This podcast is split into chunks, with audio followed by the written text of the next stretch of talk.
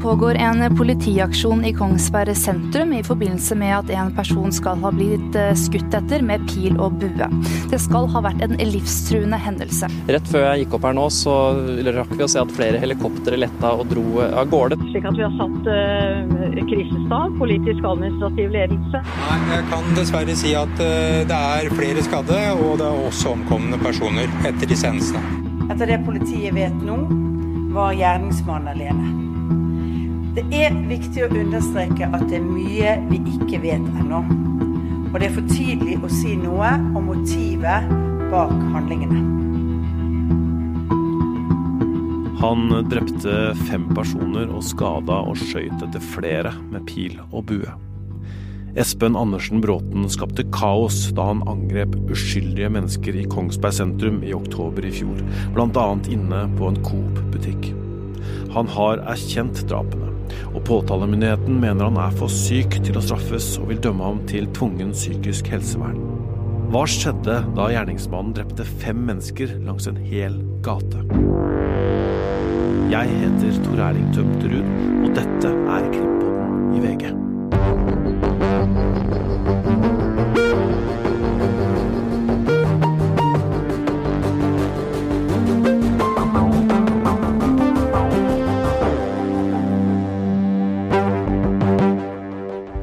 Onsdag denne uka så starta rettssaken mot Espen Andersen Bråten. Rettssaken skal vare i fire uker, og på den første dagen så blei det vist en video fra overvåkningskamera i butikken der han gikk til angrep. Den viser at Bråten kommer inn i butikken via inngangen i parkeringshuset, og går bort til den ene kassa der han spenner buen og skyter to ganger. Han går i sokkelesten og har på seg en bukse og hvit singlet. Rundt livet har han et belte som koggere med piler henger i. Vi skal reise tilbake dit det skjedde. Krimkommentator Øystein Milli og jeg er på vei til Kongsberg. Skal vi slå på noe GPS? Vi kjørte feil nå. Ja, kjører vi vel Ja, nei, det er riktig. Ja, det er riktig. Jeg har aldri vært i Kongsberg. Skal vi se. Sentrum øst eller sentrum vest? Ja, Da kan du velge øst eller vest. Ta det fram. Altså, jeg er jo en sånn øst, østkantmann, vet du. Liker meg der. Ja. Elva Numedalslågen deler den gamle industribyen Kongsberg med sine over 20 000 innbyggere i to. Og byens sentrum strekker seg over elvas bredder både til øst og vest. Mens østsida er prega av butikker og hotell, ligger de eldste kvartalene på den andre sida av broa. Det er litt spesielt å kjøre inn her. Jeg husker jo godt, veldig godt den kvelden hvor vi fikk de første meldingene om det som skjedde. Og forsto jo ikke helt omfanget i starten, fordi meldingene var jo litt sånn diffuse og ikke så illevarslende som dette her viste seg å bli. Men så De var litt rare også, for det var jo meldt om skyting med pil og bue. kjører jeg litt på måfå, Tor Erling. Altså. Ja, men jeg skal slå det inn, så kan vi ta oss og parkere et sted. I flere år var Espen Andersen Bråten under oppsikt av politiet, sikkerhetstjenesten og helsevesenet. Politiet har ment at han har lav terskel for vold, er sårbar for radikalisering og har psykiske problemer. For tre år siden var de så bekymra at de varsla helsevesenet med advarsel om at Bråten kunne utføre et lavskalaangrep pga. sine psykiske problemer. Men Bråten ville ikke ha hjelp. Her. Venstre. Venstre? Venstre her. Ja, nei, det var ikke på østkanten, Øystein. Det var på vestkanten. Ja. Det er vel litt uh, typisk det. Når det er 50-50, så ikke vi sjekker Google Maps, så blir det feil. Det er best å slå inn ting. Her kan vi parkere et sted. Der ser du Coop Extra der. Her er vi, vet du. Vi er i gatene der Espen Andersen Bråten i oktober 2021 kom ut av huset sitt bevæpna med pil og bue og kniv. Da har altså gjerningsmannen kommet her, og dette er da Pekkels gate um, i Kongsberg sentrum. Trangt eh, Trang eh, gate med trehusbebyggelse. Eh, og det var her da han tok fram pil og bue og skøyt for første gang. Da er vi på klokka ti over seks. Ja. Det er her alt starta, da. Eh, hvor han da forsøkte å, å drepe en eh, kvinne. Han skjøt to piler, som du sier. Så eh, har man jo ganske god oversikt over hvordan eh, gjerningsmannen har eh, bevega seg.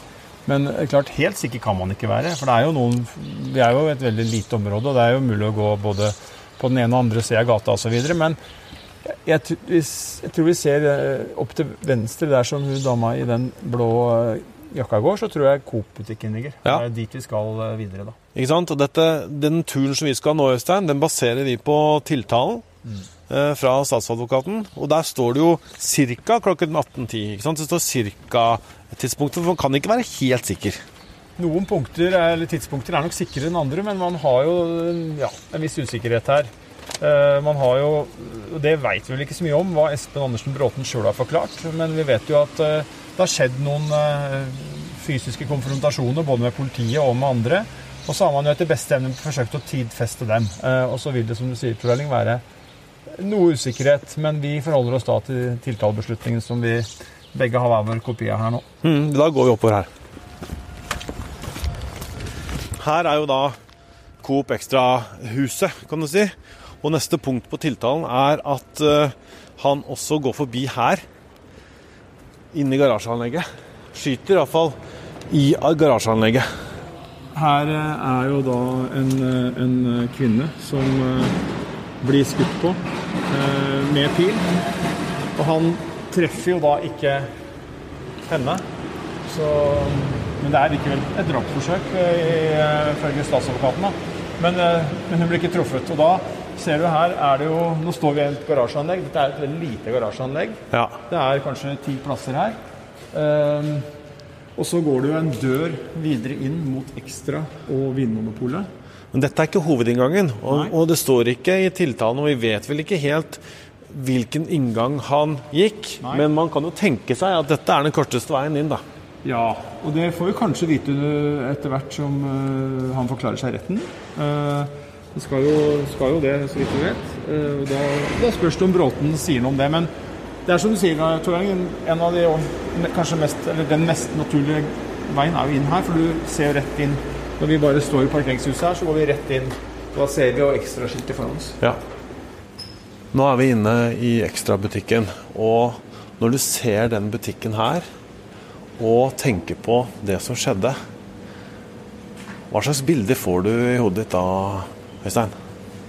Nei, jeg står faktisk og tenker på akkurat det eh, som møtte de politifolka som sannsynligvis kom inn hovedinngangen bak oss. Og så ser du inn mot butikken her, ikke sant. Og her er det en uoversiktlig butikk, som jo mange dagligvarebutikker er. Det er hyller, det er stabling. Vi ser eh, pappesker med potetgull, eh, toalettartikler, eh, underbukser. Eh, og det er jo jeg har gått rundt i butikken her og vet at det er en del si, ganger og Ja, det er en labyrint. ja, og jeg, jeg står her nå, så kan jeg på støynivå tenke meg at det ikke er så mange der inne, og så vet jeg det jo for så vidt, for jeg har gått dit og sett. Men om jeg kommer inn hit, om, jeg, om det er fem eller ti eller 15 personer der inne, hvor den ene personen eventuelt letter etter er, umulig å si. Umulig å si, så det er klart dette er et krevende sted, fordi at det er ikke, det er ikke en så veldig stor butikk. Jeg har vært i en del ekstrabutikker, og den er jo ikke av de største, men den er, eh, den er litt sånn kronglete fordi at det, man skal selvfølgelig ha en mye varer. Eh, Det skal på plass alt en dagligvarebutikk eh, skal by på, og da blir det jo sånn som butikker er, at det er, det er stabling og det er mange hyller. Og det gjør jo at det er selvfølgelig utrolig krevende å skulle få tak i en fyr her inne som sannsynligvis ikke ville at politiet skulle få tak i. Og så går han da inn her og med pil og bue og skyter mot folk. Det gjør han. Og det er jo et drama som foregår i etter tiltalen i hvert fall, i rundt ti minutter. Og her er det jo flere som blir både skutt mot og også truffet. Ehm, Det er vel ingen som blir er fortsatt der at det er ingen som blir drept. For den tidslinja vi nå snakker om, strekker seg fra 1812 til 1822. Ehm, Men når vi skal forlate en tidslinje her, så er det jo ikke lenge før det første drapet dessverre skjer. Men her inne så er det ingen som eh, kommer livstruende til skade. Men det er jo flere som blir truffet. Vi husker jo den politimannen bl.a. Ja, han må da komme inn her, eh, løpe eller gå inn, bli skutt mot. Eh, og Det er jo det som har vært et eh, tema. at Disse politimennene hadde ikke på seg beskyttelse, beskyttelsesutstyr da, når de gikk inn her. Nei, eh, og det er jo, som vi har sagt før, så er jo det Selvfølgelig når man står med fasit i hånd, bokstavelig talt i form av en tiltalebeslutning, så kan man jo, er det jo ganske enkelt å si hva som man burde eller ikke burde, kanskje. Men, men det er klart at man parkerer en politibil på utsida her, og så løper de inn rett inn i aksjon. De tenker ikke på sin egen sikkerhet, de er mest opptatt av å stoppe mannen. Og håpe at det skal gå uten at han gjør kanskje motstand. da. Eh, og det ville jo vært en genial fremgangsmåte, det, eh, hvis man hadde lykkes med det. Og det kunne jo hende man hadde gjort. Men, eh, men sånn gikk det jo ikke, og da, og da, er det lett selvfølgelig for de som vil være etterpåkloke å være det. Og så, og så er det ja, selvfølgelig sånn at man må bare erkjenne at det er en vanskelig situasjon de står overfor når man går inn her. Det, det er ikke tvil om det. Og så er det da I rettssaken så skal jo de personene som ble skutt mot her inne i butikken, de skal jo forklare seg og fortelle hva som skjedde. Og, og det blir jo en del eh, historier og et drama som vi får høre om i retten. Ja, da kommer jo disse vitnene og forteller sine historier. Eh, og da blir det enda mer detaljert, og det blir enda mer nært og enda mer personlig. Eh, og da må vi forberede oss på at det kommer, eh, at det kommer eh, rystende historier om hvordan folk har helt sikkert uh, frykta for livet her inne. Og gjemt seg bak hyller, da? Ja, og, og, har blitt truffet, ikke sant. Noen. Så uh, dette er en uh, Dette er liksom Ja, her var det mye som skjedde da, inne i butikken her som vi står nå. Og så har jo vi opplysninger om at uh, gjerningsmannen forlot Coop-butikken. Ikke gjennom hovedinngangen, for det, der var jo politifolk. Men nå står vi helt bakerst i butikken, hvor det er en uh, nødutgang. To doble dører som du bare kan uh, dytte på. og den er jo en alarm der, men, men den kan du selvfølgelig Dette er en nødutgang, og her er det bare å dytte på, så kommer du rett ut på gata. Da Eh, kan vi gå rundt og se eh, hvor du, hvor du havner da, men du havner jo rett ut på et trafikkert gate her, så det er jo eh, her han tok seg ut. Mm. På veien fra Coop Extra ned mot Hyttegata skyter han flere piler mot folk. En opptelling fra punktene i tiltalen viser at han har skutt over 17 piler så langt. Når vi går ut her nå, så forlater vi jo Coop-butikken. Og da forlater vi også den tidsperioden hvor han eh, ifølge tiltalen brukte pil og bue. Eh, da har det gått fra 1810 til 1822, eh, mener jeg bestemt. Og da er det altså sånn at han begynner å bruke kniv i stedet. Og det er jo dessverre da menneskeliv også begynner å, å gå tapt. Eh, og da skal vi til neste punkt i tiltalebeslutningen, som er Hyttegata. Og det nye tidspunktet som er 1825, da, som er tidspunktet for det første drapet. Og nå beveger vi oss videre, og da er vi også på vei vekk fra Coop-butikken. Så nå står jo Få se, Da han gikk opp her, da, så, som vi antok han gjorde, så sto politiet nede ved hovedinngangen, og da er vi ute av syne for den patruljen nå. Nå går vi over en liten bakketopp, og så stuper vi jo ned en bakke her. Det er her som han da slang fra seg eh, pil og bue og det koggeret med piler. Og ja. han da tok fram et eh, annet våpen. Ja, det er mange gater, mange hus, og det er små sånne bakgårder og småhager her. Eh, det er et vanskelig område å jobbe i for politiet her, med en mann som er ute og gjør det han gjorde, og har lyst til å å holde på med det uten å bli tatt. Eh, som vi må anta var, var noe av eh, motivasjonen. Her har han da prøvd å komme inn til eh, folk. Men det første offeret finner vi her. Og det er da Gunn Marit Madsen som blir drept etter at hun blir stukket med kniv.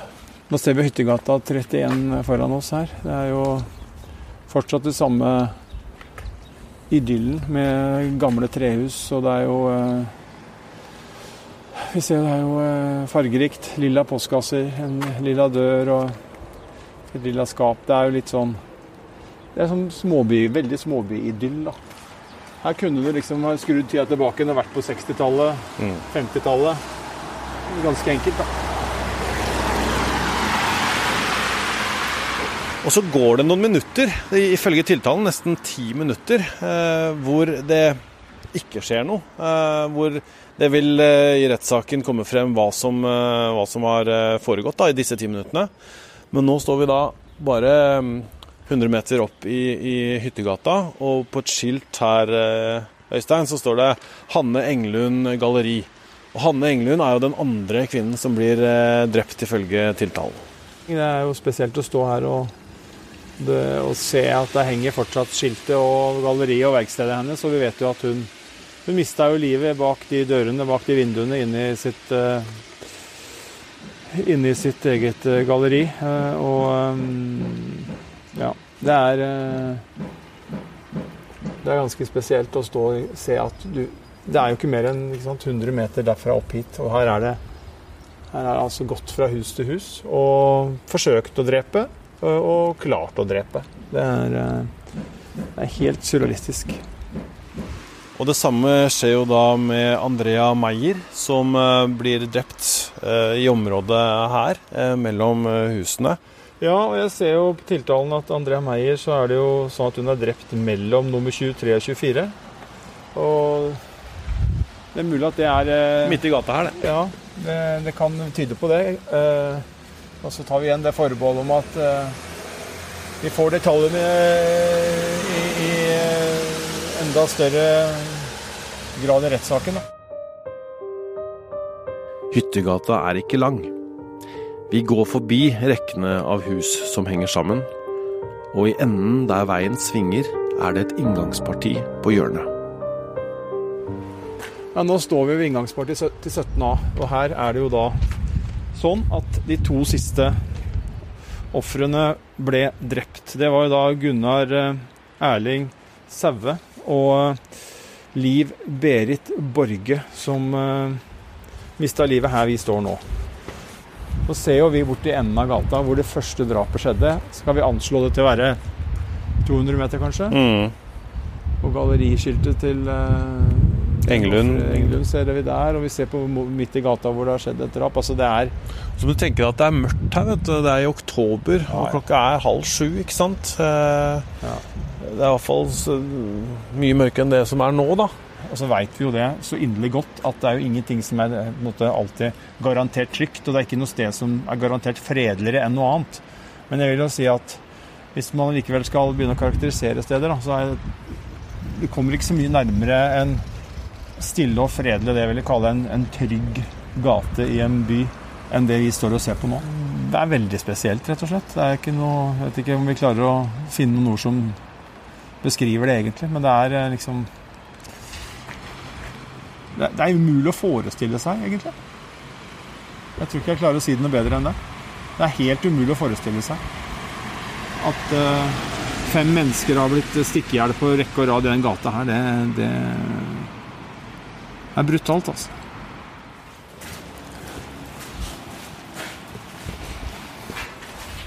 Og så går vi da rett over veien, og her kommer vi inn i et portrom hvor det er en eh, steinbelagt eh, bakgård. Hvor uh... Ja, det er jo tun, nærmest. Det er jo omgitt av hus på alle kanter. Og så er det en kjøreport under bebyggelsen, så her er det på en måte en ja, det, det, Dette illustrerer hvor krevende området her er. da, fordi at Nå har vi gått 20 meter, og nå vil jo ingen som uh, Vi er jo ikke synlige for de som står ute der som vi akkurat sto. så det, det er jo, Men her var i hvert fall politiet. Her skjer vi pågripelsen nå. Mm. Og Det siste som skjer før han blir pågrepet, er at han kaster kniven sin mot politifolka. Mm. Da er klokka 18.47. Og som vi jo husker, så starta vi den tidslinja her klokka 18.47. 10. Så det er 37 minutter som han eh, er løs her med pil og bue først, og så med kniv. Før han da blir pågrepet, og da ligger fem mennesker drept i gata. Bare ja, han, jo, han ble jo tatt bare 20-30 meter fra der han begår det siste dobbeltdrapet, faktisk. Da. Hvordan vil du beskrive disse 37 minuttene? Nei, det er jo 37 ufattelige minutter. Heldigvis så er jo dette noe man knapt opplever. Eh, og vi får håpe det aldri skjer igjen. Men, men det er klart det er jo Det er, det er, Man ser jo hva et menneske som går for å skade og drepe, kan oppnå. Og så er det klart at det, det kunne gått Det kunne endt verre. Det kunne selvfølgelig også ha endt bedre, men flere skadde og fem drepte mennesker i gata her, og så pågripes han her. Det er, det er 37 minutter med et helt uvirkelig mareritt som, eh, som da er over. Og så Ja. Her er det vel knapt mulig å beskrive det, faktisk.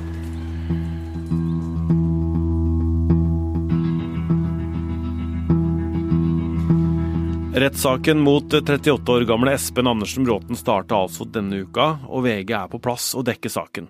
Øystein er i Hokksund, der tingretten ligger, og hva har skjedd i retten i dag, Øystein?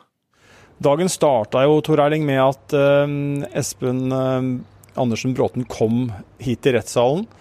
Han ble kjørt i en, uh, en stor sølvgrå Mercedes fra kriminalomsorgen. Det var stort politioppbud.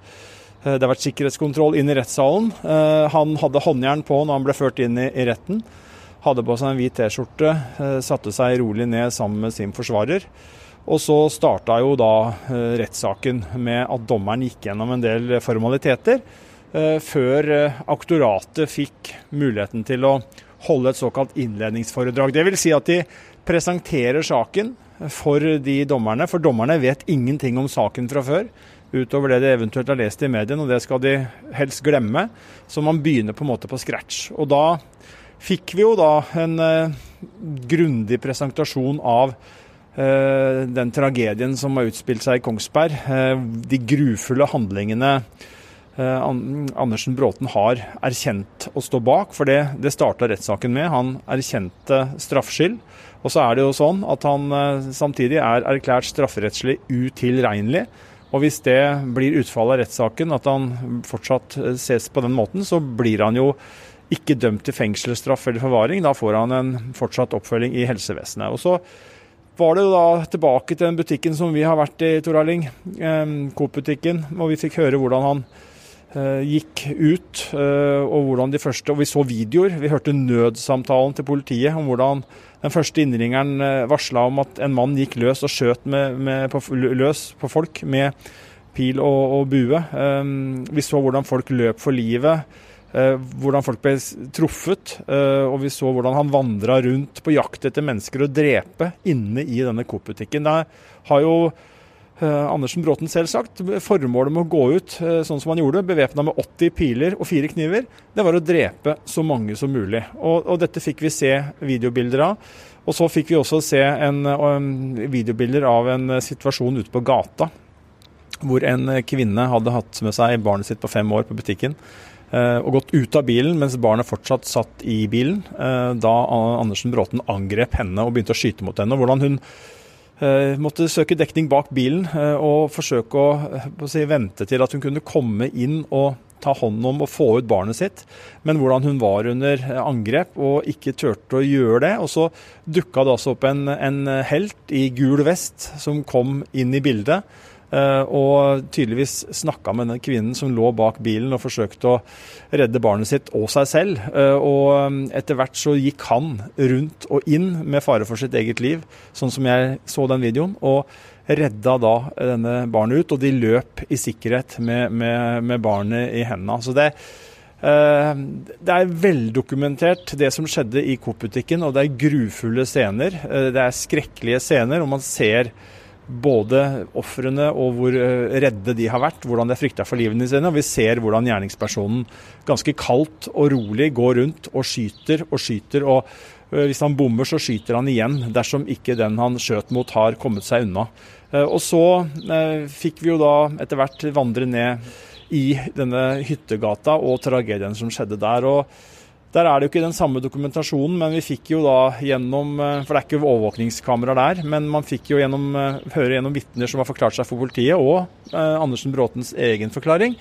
Høre hvordan han har gått fra hus til hus og drept, og hvordan han har gått ikke bare i hyttegata, sånn som vi gjorde, men han har faktisk gått inn i noen hus. Han har vært rundt på baksida ned mot Numedalslågen. Han har gått Der er det en del trapper trapper og noen hager og bakgårder. Det er veldig mange sånne smug og uoversiktlige bygningskonstruksjoner som han har gått uh, og bevega seg i og rundt. Uh, og da, som vi også så, så har han jo vært og, og tatt av til sammen fem liv før han da endte opp i dette portrommet som vi også sto, Tor Erling. Og der ble han pågrepet. Og det siste han gjorde da, var at han kasta kniv mot politiet. Han har jo da også begynt å forklare seg selv i dag. Han ønska jo det og hadde med seg noen uh, ark, uh, har jeg skjønt. Uh, hva er det han har sagt for noe? Nei, han, han, forklarer seg jo nå mens jeg står og snakker med deg. Og han hadde med seg noen ark, som du sier. Jeg tror det var to av fire ark hvor han hadde skrevet et manus. Og det manuset inneholdt hvorfor han har gjort det han har gjort. Eh, og det er jo eh, ja, vanskelig, eller kanskje egentlig umulig, å forstå eh, det han, si, argumentasjonen hans uansett. da, Men det blir jo ikke noe enklere å forstå når man hører at han har hatt en opplevelse av at han, eller Det han først og fremst sa, det var at han hadde vondt i øynene. Han frykta for å bli blind. Han snakker om muligheten for grønn stær.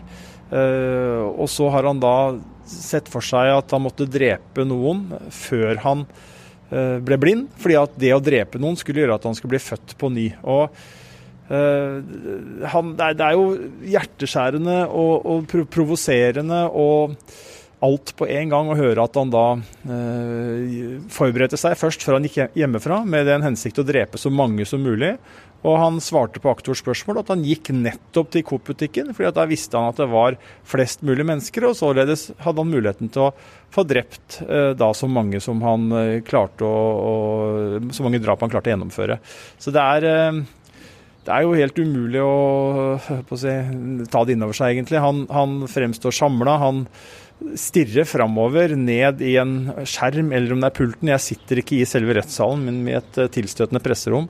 Han ser bort på aktor innimellom, eller ikke innimellom, han ser bort på aktor når aktor stiller spørsmål, men når han selv skal svare, så kommer det korte setninger som han stort sett da stirrer rett frem eh, mens han fremfører. Eh, så det er det er opprivende å høre hvordan, hvordan han forklarer vi har jo skjønt at dette eh, Selvfølgelig, bak en sånn handling så ligger det så ligger det da galskap og ondskap. Og, og, det er klart at eh, ja, det er provoserende å høre på det, og det er, det er mange som syns det er opprørende. Og ble også advart underveis i rettssaken om at det kom til å bli sagt ting i retten som kom til å være jeg tror det var eh, forsvareren hans faktisk som sa det, at vi ble advart mot at det kom til å komme ting, ting i under rettssaken som kom til å bli vondt og provoserende å høre på. Det er satt av fire uker til denne saken. Hva er det knytta med spenning til framover? Nei, Det er jo en sak som fremstår avklart, i den forstand at uh, både de sakkyndige, påtalemyndigheten og forsvareren er enige om at uh, han bør dømmes til psykisk, tvungent psykisk helsevern. Og så er det sånn at eh, retten alltid tar selvstendige vurderinger, og det gjør de også dette spørsmålet. Så i prinsippet så kan jo retten overprøve eh, det, det, det synspunktet, men det er jo veldig lite sannsynlig at det skjer. Dette er jo rettssakkyndige, tre stykker, som har undersøkt ham og kommet til det resultatet. og Det er jo de som har kompetansen på dette her. så at juridiske dommere og meddommere skulle overprøve det, det, det har jeg vondt for å se. Men det er jo selvfølgelig viktig da å få eh, alle de svar på bordet som man kan få, få, på plass her. Eh, det er viktig for de som har blitt Det er mange fornærmede, i den forstand at de har, som har blitt skutt på, eh, og enten har blitt truffet eller ikke blitt truffet, som skal fortelle sine historier og som skal få sin rettferdighet i, i rettssystemet. Uh, og så er det sånn at Man har delt opp uh, kronologien litt her nå. Nå skal man konsentrere seg om alt som skjedde i Coop-butikken uh, før altså med da forklaringa til Andersen frem til uh, torsdag midt på dagen. Og så uh, skal man høre vitner rundt det som skjedde i, i Coop-butikken. Og så går man etter hvert videre og til Hyttegata. Da skal Andersen, Bråten Andersen forklare seg, unnskyld, Andersen Bråten forklare seg på nytt. Det vi også så, Tor Erling, som jo gjorde inntrykk, var jo vi så jo nå disse politifolka som kom til stedet, og som gikk inn med bevæpna med en MP5 og en revolver. Eller lunsj kanskje var en pistol. Ja, et, et, et håndvåpen.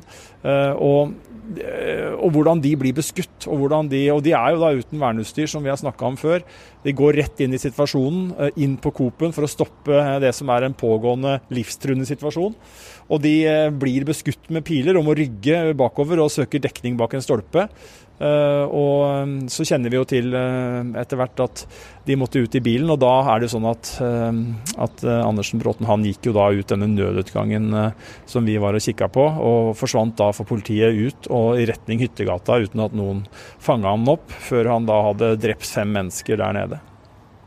Men vi vet jo nå at både politiet og helsevesenet visste om at han kunne være en farlig mann. Da blir det det store spørsmålet nå. Hvorfor skjedde dette allikevel? Ja, det er eh, det store spørsmålet. Og eh, det er jo sånn at han har en lang sykdomshistorikk. Eh, allerede i 2007 strekker den seg tilbake igjen til. Og vi har hørt i retten i dag, og dette vil vi sikkert høre mer om etter hvert som saken skrider frem, men vi har hørt i retten i dag at han var i kontakt med helsevesenet og fikk ja, oppfølging for den eh, samme problemstillingen som man står overfor eh, i dag. Det var i 2019. Og da fikk han behandling, og så var det sånn at han ble etter hvert skrevet ut og fikk beskjed om at helsevesenet anbefalte ham å holde kontakt og, og, få mer behandling, mer oppfølging, etter at han da var utskrevet. Det ønska ikke Espen Andersen Bråten selv, har det blitt opplyst. Og etter det så har ikke han hatt noe kontakt med helsevesenet. Og Det illustrerer litt av problemet her. at da har man ikke noe i den situasjonen der så hadde man ikke noen uh, hjemmel eller noe makt til å fortsatt uh, behandle ham. Han hadde da et eget selvstendig valg. Han kunne følge rådet og fortsatt bli behandla og kanskje da bli bedre. Eller han kunne la være. Og han lot være, og uh, resultatet og konsekvensen ser vi jo da dessverre nå. Den han, vi, vi, har jo også hørt en historie om en mann som har eh, vært det du kan kalle en slags eh, einstøing. Han har hatt svært lite kontakt med omverdenen.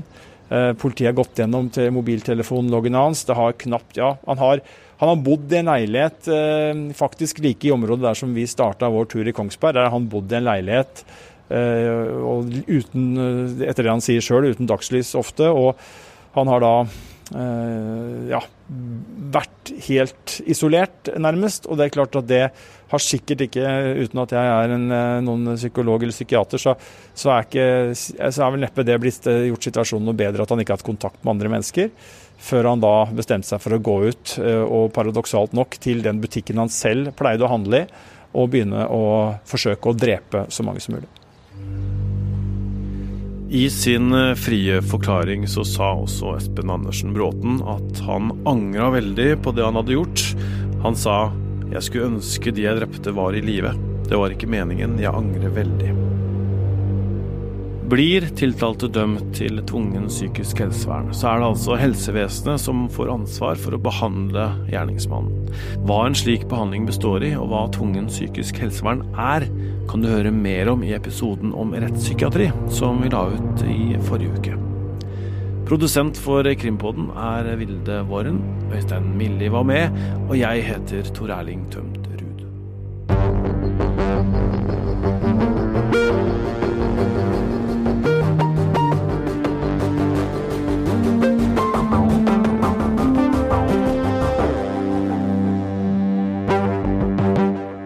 har hørt en podkast fra VG. Ansvarlig redaktør, Gard Steiro.